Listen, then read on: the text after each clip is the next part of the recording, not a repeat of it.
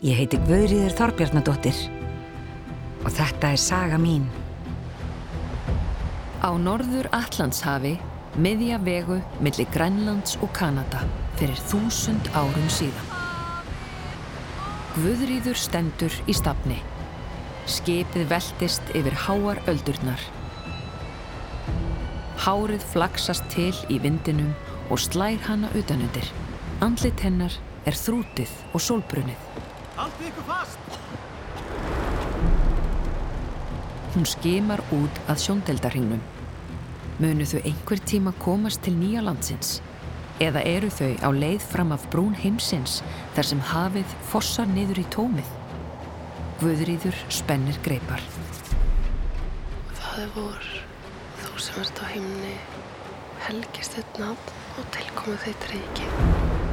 Hún byður til Guðs að þau lifi ferðalagið af, að sóma samlegra líf sé að finna hinu megin við hafið, á Vínlandi, eða eins og við segjum í dag, í Ameríku. Þetta er saga um fólk sem livði í okkar heimi fyrir þúsund árum síðan, vikingana. Hún fjallar um háskafarir og hróttaleg rán um sjóferðir til vesturs yfir Allandshafið og lengst austur í Asíu, um ævintýri sem áttu eftir að gjörbreyta Norðurlöndunum öllum.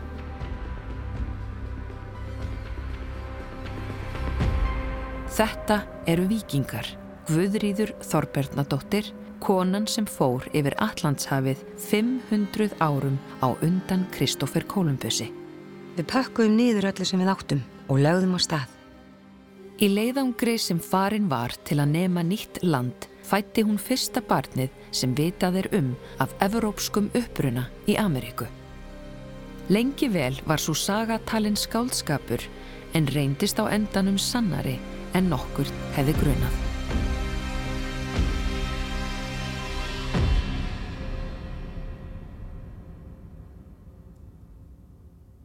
Til þess að skilja hvers vegna Guðrýður Þorbjarnadóttir siglir yfir Allandshafið skulum við fara þrjú ár aftur í tíman, til ársins þúsund.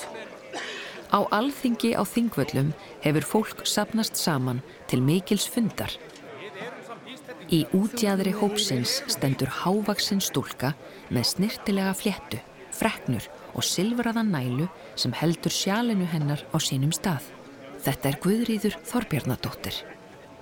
Ég hafði gengið upp á hól til að sjá betur. Þarna var, þarna var mikill mannfjöldi.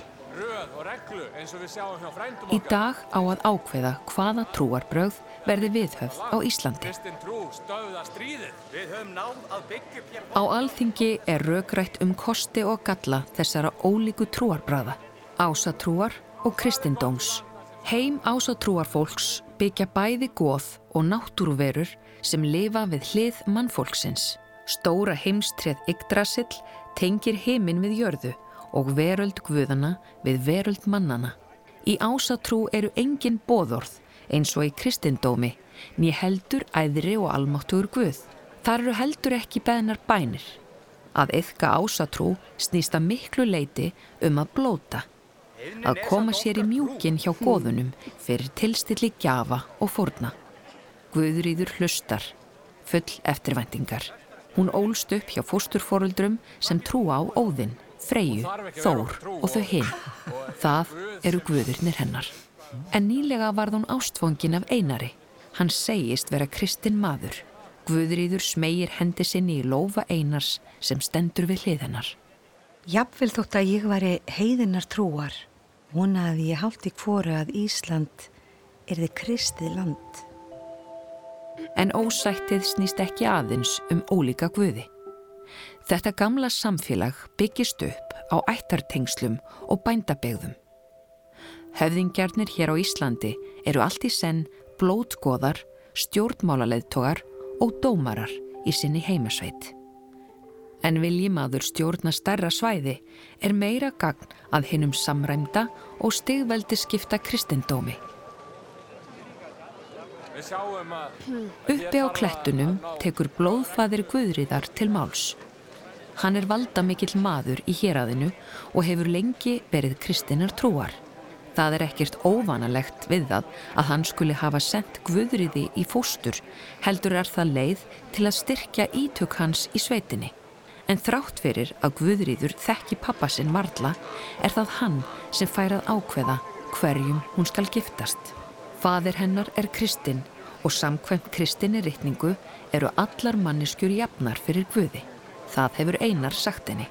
Kanski gæti Kristinn dómurinn orði til þess að þau fái að eigast, þrátt fyrir að pilturinn sem heldur í hönd hennar sé þrælsónur. Þegar tilkendi er að Ísland skuli taka kristni, þá grýpur einar í mig og snýr mér að sér og segir Nú get við verið saman, þú og ég. Einar er ungur kaupmaður sem kom til Íslands til að selja varning frá fjarlægum löndum. Sem stendur býr hann hjá Guðríði og fósturfóruldrum hennar á litla bænum þeirra. Guðríður nýtur þess að láta sig dreyma út frá sögum Einars um ferðalög til fjarlægra staða. Hún ásér þann draum að halda sjálf á vit æfintýrana. Einar segir henni líka frá nýja Guðinum Þegar hann talaði um nýja guðin var eins og andletið á hann um ljómaði. Einar þekkir margar frásagnir af Jésu. Guðrýður hlustar ekki mjög nákvæmlega á það sem hann segir. Hann lit dælun að ganga um þennan nýja guðsinn en ég horfi aðalega á varirnar á honum. en það mun ekki döga pappa, hugsar Guðrýður, þegar hann fær að vita að höfðingja dóttirinn vilji giftast sinni þræls. Guðrýður! Skindilega stendur Þorbjörn, fadir Guðrýðar, við hliðin á þeim. Guðrýður sleppir hönd einars í snarhasti, en það er um seinan. Pappi sá til þeirra. Hann rikkir harkalega í fléttuna og dregur Guðrýði burt. Að leifa Guðrýði að giftast seni þræls er þið niðurlæging fyrir ættina eins og hún leggur sig. Fóstur fadir Guðrýðar ábyrgist ágæti einars en fadirinnar gefur sig ekki. Það stóðar ekkert þótt Guðriður reynir sjálf að tala um fyrir honum með þeim rökum að einar sé sann Kristinn maður og muni hugsa vel um hana. Fadir hennar hefur annað í huga.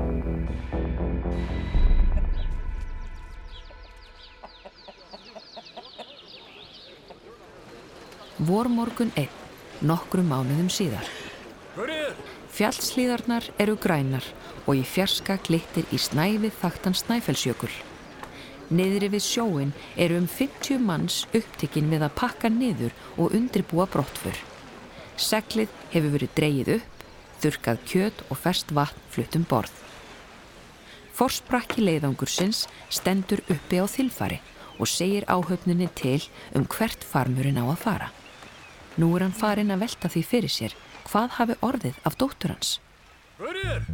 Þorbjörn, fadir Guðríðar, hefur ákveðið sig. Þau feðgininn eiga að fara frá Íslandi. Ekki bara til þess að losna við óvelkomna byðla, heldur líka vegna þess að hann er sjálfur komin í öngstræti.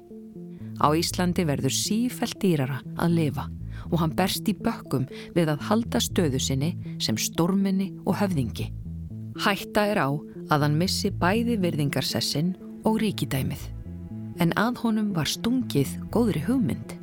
Venur hans, vandraðagripurinn allræmdi Eirikur Rauði, hefur ferðast vestur um haf og komið á fót þorpinu Brattallíð á eigu sem hann kallar Grænland.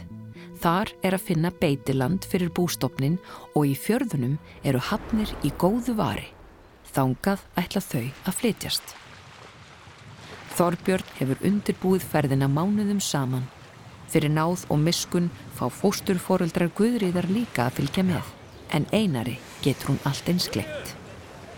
Á bakvið litla skemmu rennir Guðrýður fingrunum gegnum hár einars, dregur ilmin af honum djúft ofan í lungun. Við höfum hist í laumi í marga mánuði. Þetta verður síðasti ástarfundur þeirra. Guðrýður tekur um vanga einars. Hún veit að hún mun aldrei sjá hann framar. Rétt áður en ég fer, segir hann. Taktu þetta hérna. Það mun koma sér vel. Hann dregur fram lítinn silfurkross og þristir honum þjætt inn í lofa hennar. Einar tekur af sér ullar húfuna sína og setur hana á höfuð kvöðriðar. Svo segir hann, Glemdu mér ekki. Hún felur krossin djúft inn í faldinum á kjónum sínum. En húfuna hefur hún á sér.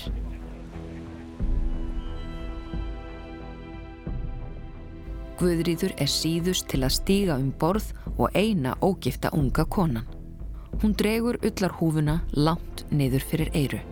Engin skal fá að sjá tárin sem renna niður kinnarnar. Brátt mun allt það sem hún þekkir sem tilveru sína á heimili hverfa í fjarskan.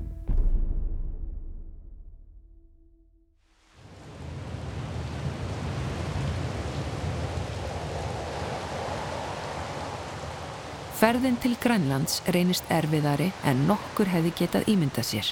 Þrátt fyrir að nú sé sumar skellur á hver stormurinn á fætur öðrum og brátt koma upp veikindi á skipinu. Halldís, fósturmóður Guðriðar, er eina af þeim fyrstu sem veikjast. Þessi hósti. Ég heyrði hann allar nætur. Fósturfadir Guðriðar heldur utanum axlirnar á Halldísi meðan hóstin skekur líkama hennar. Ég reyndi að gera allt fyrir Halldísi sem, sem ég veit að hún hefði gert fyrir mig. Guðriður ákallar Guði Halldísar, hinn að fallegu freyju sem gefur líf og drottninguna Frigg sem ræður örlögu manna. Hún fórnar matnum sínum marga daga í rauð. Hún hellir vatninu sínu út í vindin til að slökva þorsta vindana. Hún syngur laugin sem Halldís kendi henni, syngur hátt út á hafið syngur upp við eira Halldísar. Ekkert dugar til. Ekki fara, Halldís. Halldís heldur krampakentu taki um sína kærustu eign, saumaskríni sitt. Mamma átti það, segir hún. Nú fær þú það. Síðan lokar hún augunum. Í dagreiningu er líki Halldísar kastað fyrir borð. Þarna stend ég eftir og held á saumaskrínun hennar og ég get ekki skilið hvers vegna Guðirni letu fósturmóðu mína deyja. Þarna veit hún ekki hversu fáir munu lifa ferðalagið af.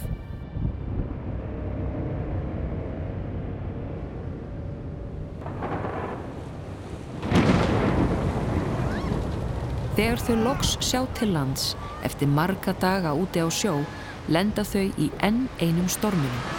Öldurnar þrista sér upp undir skipið eins og ógnastór skrimsli. Seglin rifna. Fadir Guðriðar reynir hvað hann getur að halda í stýrið. Hann rópar til Guðriðar að hún verði að binda sig fasta við mastrið til að henni skól ekki fyrir borð. Þú rekur í átt að skeri. Nær og nær. Skelving grýpur um sig á skipinu. Ég rópa á goðin og grátt byðum hjálp. Skipið brotnar sundur og dregur fólk með sér niður í djúpið. Hún heyrir fósturföður sinn æpa. Sindu Guðriður, sindu! Hann veit að Guðriður er sind. Síðan hverfur hann í öldurótið. Guðriður slítur sig frá mastrinu, kastar sér út í öldurnar, klifrar upp á skerið. Og þar situr hún með blóðföður sínum og hinum þrettán sem lifa skipsbrotið af.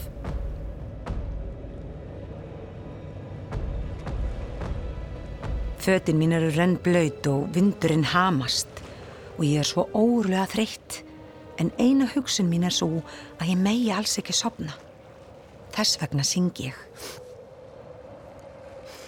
Guðrýður nötrar af kulda. Hún syngur til að halda sér vakandi. Hún gleðst þegar hún sér að pókanum með saumaskrinni Halldísar hefur skólað upp á klöppina þar sem það setur fast í lítilli skor. Hún grýpur um pókan með annari hendi. Ég er svo ræðilega þreytt en ég þór ekki að sleppa takinu.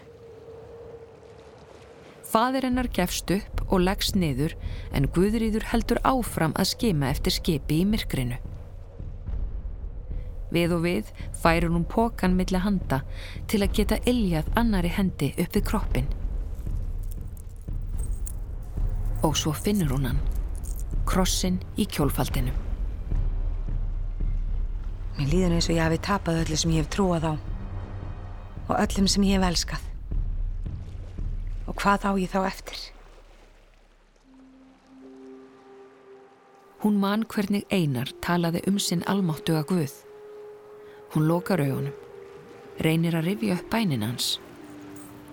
Faði vor, þú sem ert á henni, helgist þitt nafn, tilkomið þitt reiki. Hún lítur upp.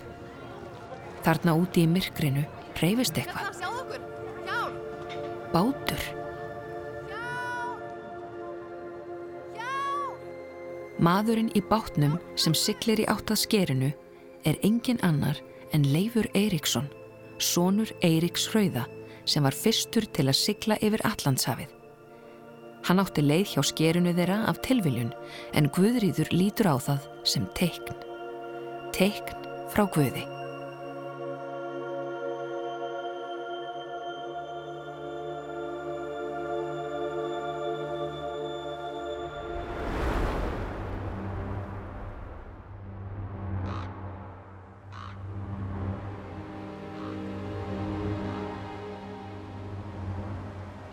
Hér á Grænlandi er heiminin jafnblár og heima, hugsar Guðrýður með sér. En annars er fátt líkt með löndunum tveimur. Hún liggur í döggvotu grasi á Herjólfsnesi á siðsta otta Grænlands. Hér lenda flestir sem hafa lagt á sig ferðalagið langa frá Íslandi áður en haldið er lengra inn á eiguna. Og hér hafa þau fengið að dvelja í vetur hjá frænda Eiríks Rauða. Hér er bæði hrjóstrugt og vindarsamt. Lífið á Herjólfsnesi var virkilega erfitt. Alls ekki eins og pappi bjóst við. Og ég saknaði Haldísar svo sárt. Hún þrýstir beinnálinni sem haldi í skafinni inn í þumalinn þar til blóðdrópi byrtist. Haldís sem er ekki lengur til. Guðrýður hugsar um laugin sem þær sungu saman, um drottningu Guðana, Frigg, um Freyju sem rýður um himinkvolvið á nóttunni og um Þór og þrömuveðrið og njörð og hafið. Það er gott að finna til í fingrinum. Guðrýður sígur blóðdrópan. Hún hugsar um nýja Guðin sinn, þennan Guð sem hún þekkir varla en sem bjargaði henni út á sjó.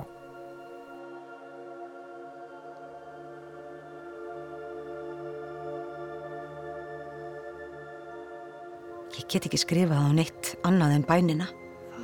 Það var Guð sem bjargaði okkur. þú sem ert á himni, helgist þitt nafn, Bænin kveikir hugsanir um einar og þær róana.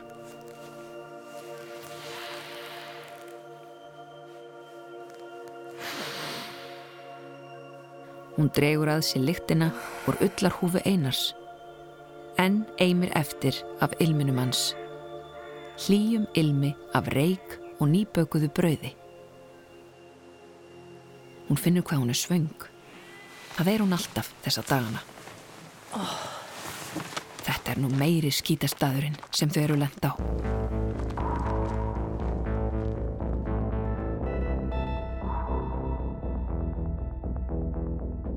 Þetta árið er uppskeran léleg á Grænlandi. Sömu leiðis hefur lítið veiðst. En nú er mikið rætt um annan stað, hinum megin við hafið. Vínland, þar sem vaksa sætar vínþrúur og þar sem sólinn er hlý. Leifur Eiríksson er orðin mikill höfðingi síðan hann kom heim úr leiðangreinum sínum. Fólk lítur upp til hans og vil heyra hann segja frá Vínlandi og staðnum þar sem hann byggði nokkur lítil hús. Guðrýður sér Vínland fyrir sér. Land sem státar af bæði skóum og málmum, túnum þar sem skeppnur geta staðið á beit, ám sem eru krökkar af laxi og hlýri sól.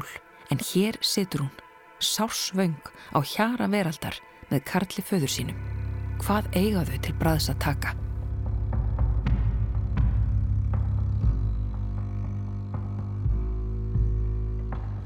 ég finna að það er eitthvað í loftinu.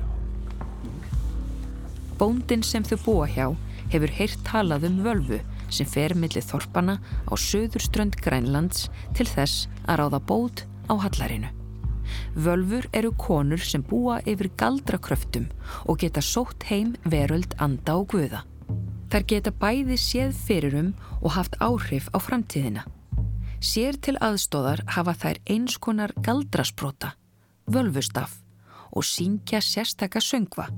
Stundum nota þær líka ofskinnunarleif eins og kannabis og ímsar júrtir. Völfur njóta verðingar í samfélaginu og þessi tiltekna völva, Þorbjörg, hefur getið séð orð á Grænlandi sem bóðberi gæfu. Henni er bóðið heim á bæin. Hásæti er útbúið og Guðrýði er falið það virðulega verkefni að koma fyrir dúnkotta þar sem völvan á að setja. Í pottinum er elduð sérstök máltíð. Grautur úr geitamjólk með grilluðum hjörtum, einu úr hverri dýrategund sem til er á bænum. Þetta mun völvan borða áður hún framkvæmir helgiatöfn sína. Mikil fórn fyrir fólkið á bænum sem er þjakað af hungri. Svo kom völvan loksins og það var einhver svo fallegasta sjón sem ég hef séð. Völvan er klætt í síða heiminbláa skikju, prýta steinum. Hún ber glerperlur um hálsin og á höfðinu kvílir svört húfa úr lambaöll. Á höndunum er hún með kattarskins hanska, kvíta og loðfóðraða. Í annari hendinni heldur hún á ottkvössum staf úr látúni, sjálfum völvustafnum. Hún gengur með fram fólkinu þar sem það hefur aðað sér upp og horfir rannsakandi á hvert og eitt þeirra. Svo stansar hún hjá Guðriði. Ég þarf konu sem getur sungið, segir hún og horfir fast á Guðriði. Ég sé að þú kant söngin, segir völvan. Guðriður fer hjá sér, grýpur um krossin sem hún ber um hálsin og lítur á föður sinn. Svo kemur hún orðunum út úr sér. En ég vil ekki syngja lengur, nú er ég kristinn. En þú myndir hjálpa öllu þessu fólki með sögnum þínum og er það ekki það sem þessi Guð þinn fyrirskipar? Að hjálpa sínum nánustu, segir völvan. Ég var á báðum áttum, en það var eins og hún hefði í sér einhvern kraft sem ég gati ekki staðist.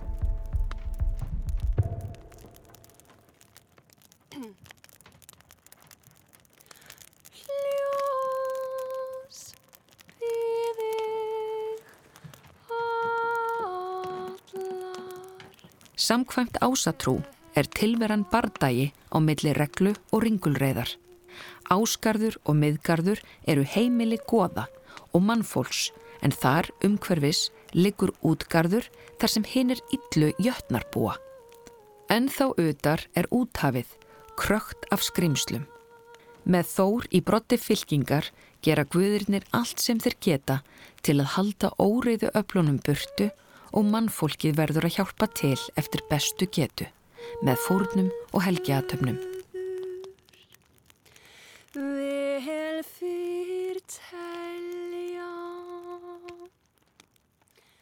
Hátíleð þögn leggst yfir meðan Guðrýður syngur.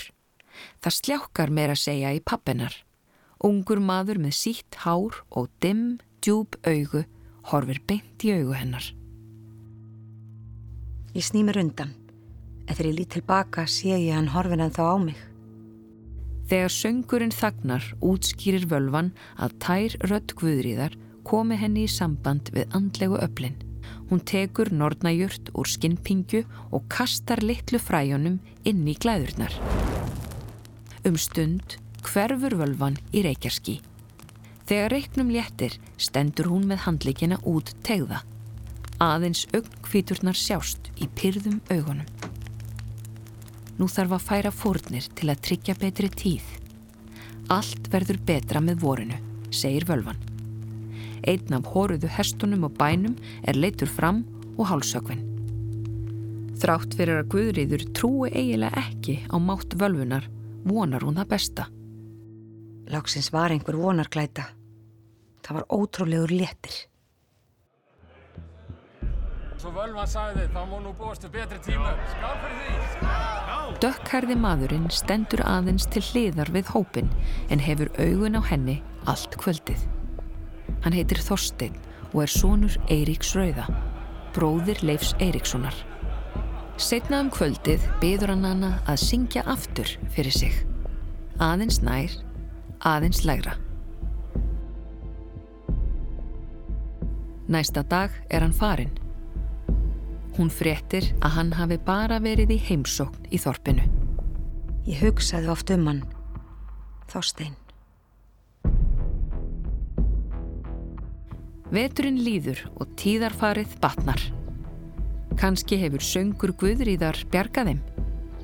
Því nú blása hlirri vindar og aftur fiskast vel úti fyrir Grænlandi og við Herjálfsnes. Guðríður gleipir hungruð í sig beta af hráu selshjarta. Það vorar og nú er hægt að sigla án þess að krokna úr kulda. Guðríður og fadir hennar pakka eigum sínum niður og hveðja hinn gestrisna bonda. Þau sigla áfram með fram söðurströnd Grenlands í áttað Brattahlíð, Þorpi Eiríks Rauða. Það fyrsta sem Guðriður kemur auga á þegar hún kemur í Brattahlíð er lítil kirkja sem stendur uppi á hæð, umkringd lágum steinvegg og reist úr torfi, viði og grasi. Fyrir aftan kirkjuna glitrar á fjörðin. Guðriður fellur á knið með ullarhúfuna í hendinni. Við höfðum verið rúmt ára á leiðinni til Brattahlíðar og þegar ég sá þessa litlu kirkju þá hugsaði með mér að hér hefði Guð verið að býða mín. Kirkjan stendur dálitinn spöl frá bænum svo að Eirikur Rauði þurfi ekki að sjá hana. Þar eð hann deilir ekki trúarsannfæringu eiginkonu sinnar. Sagt er að samvistum þeirra sem hjóna sé í raun lokið því að eiginkona Eiriks hefur sagt skilið við gömlu goðin og tekið kristna trú. Fyrir utan litlu kirkjuna er ekki margt sem greinir þorpið frá heimaslóðum guðriðar. Hún skoðar sig forvitin um. Húsin eru byggð á sama hátt og heima á Íslandi. Römmuð inn af grænum yngjum, hafi, ís og fjöllum og búpenningi á beitt. Samt fann ég fyrir einmannaleika í Brattalíð. Guðrýður tekur á sig krók til að ganga að litlu kirkjunni. Það hefur hún gert að venju sinni, í viðleitni til þess að finnast hún eiga heima hér, þar sem allt er nýtt. En þegar hún kemur þangað, rekur hanna í rógastans. Skyndilega stendur hann þarna við kirkjuvekkin. Þorstein. Síða brúna hárið er tekið saman í fjettu. Hann minnir á leif, bróður sinn, en er yngri og hávaksnari. Þú hafi ekki sést síðan kvöldið sem völvan kom. Hann bendir á kirkjuna. Má hann fylgja henn inn? Svo stendur hann þarna bara og brosir. Eins og hann hafi séð mig lungu áður en ég sá hann. Það er dimt innan dýra. Aðeins nokkur tólgarkerti loga uppi við aldarið. Samræðina voru dáliti styrðar. En það var samt svo gott að fá að tala með einhvern. Þorsteit spyr hvort að Guðrýður muni eftir honum. Auðvitað myndi ég eftir honum. En þá vissi ég ekki að þú værir kristinn, segir Guðrýður. Svo segir hún frá nóttinni sem þau vörðu á skerunu, hvernig hún rópaði á goðin en að sá eini sem heyrði til hennar hafi verið Kristur. Hún fær tár í augun og Þorstein tekur gætilega um hönd hennar. Honum líður ekki vel í þorpinu, segir hann. Þorpsbúar hafa skipt sér í tvær fylkingar, þau sem eru kristinn og þau sem eru ásatrúar og pappi hans vil ekki leifa þeim kristnu að vera kristinn. Svo eru varðla nokkrar konur þar heldur. Karlarnir slástum að fá að giftast þeim fáu sem þar búa. Sem svonur Eiriks Rauða var hann besti kosturinn í þorpinu. En, en ég var ekki vissum að það var hann sem ég vildi. Mér langaði að eiga ævintramann einhvern sem myndi vilja ferðast og sjá heiminn með mér. Guðrýður áttar sig á því að Þorstedt er í rauninni komin til að byggja um höndanar, áður en einhver annar gerir það. Guðrýður leggur til að þau fari saman úr þorpinu, burt frá þessum trúardelum. Því ekki að fara að dæmi bróður hans, fara á veit ævintýrana á Vínlandi. Fyrst hlær Þorstedt, svo verður hann alvarlegur. Já, því ekki það.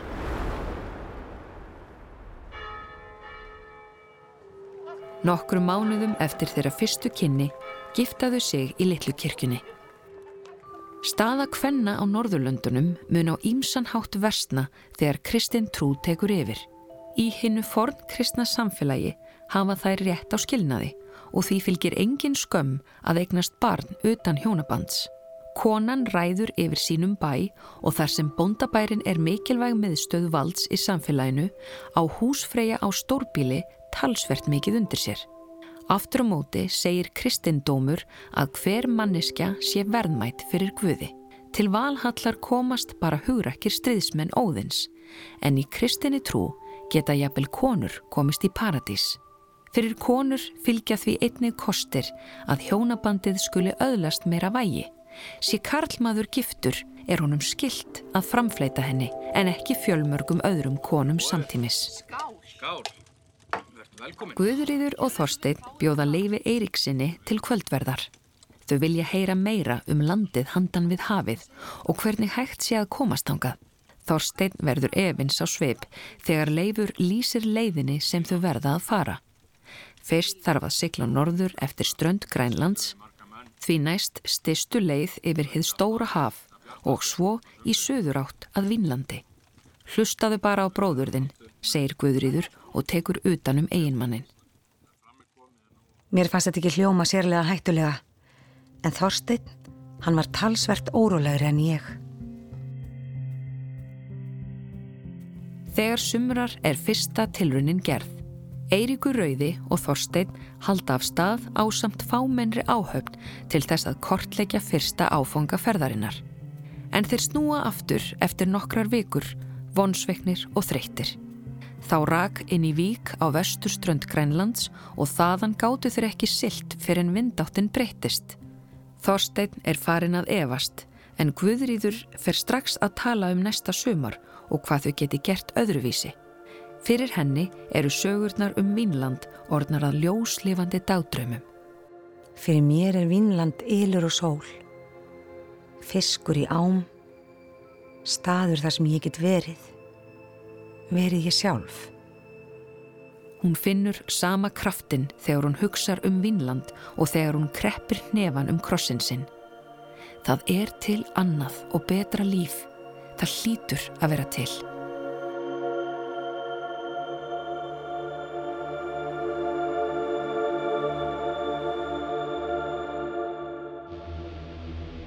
Brátt er komin vetur og í þorpinu þar sem Guðrýður og Þorstein hafa komið sér fyrir breyðist bráðsmitandi sjúkdómur út.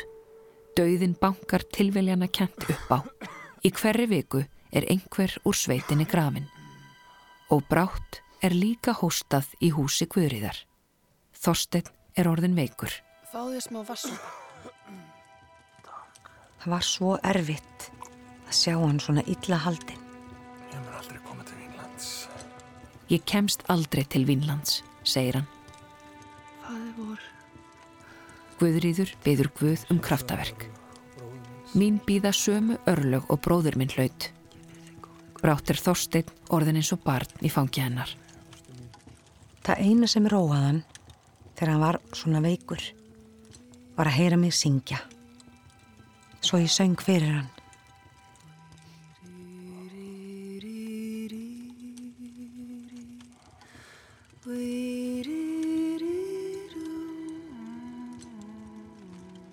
Loks lippast hann niður og lífið hverfur með síðasta andvarpinu.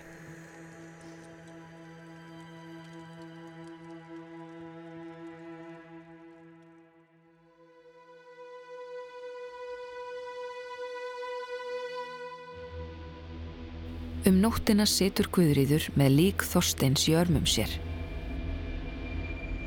Skyndilega heyrur hún rödd mannsins síns heitins. Ekki vera hrætt, segir hann.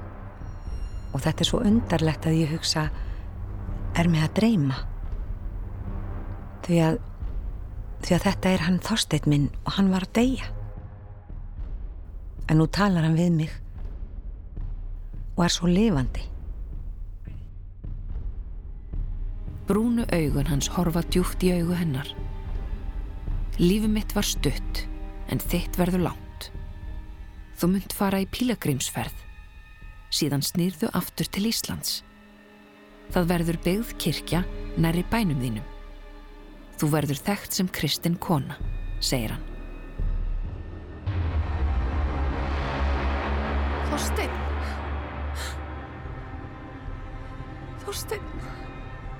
En þarna er engin lengur, Nei. bara líkið í örmum hennar. Nei. Þetta var eins og draumur. Og nú var hann um lokið.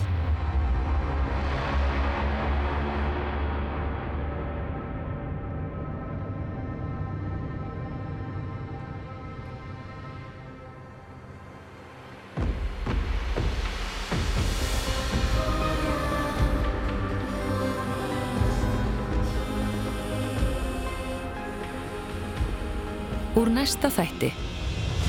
Þau eru umkringt, ofsarhæðsla grýpur um sig og þau norrænu taka á sprett í burtu frá búðunum, hálfnakin og varla vöknuð.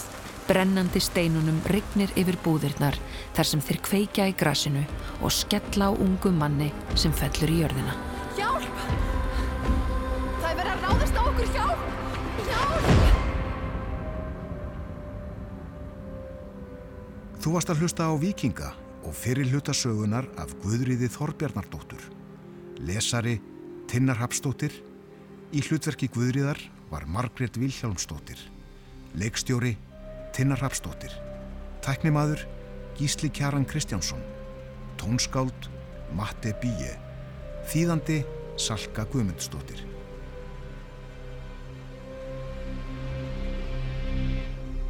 Þessi þáttaröð er íslensk útgáfa af Víkingum, útvarpsverki frá Sænska ríkisútvarpinu.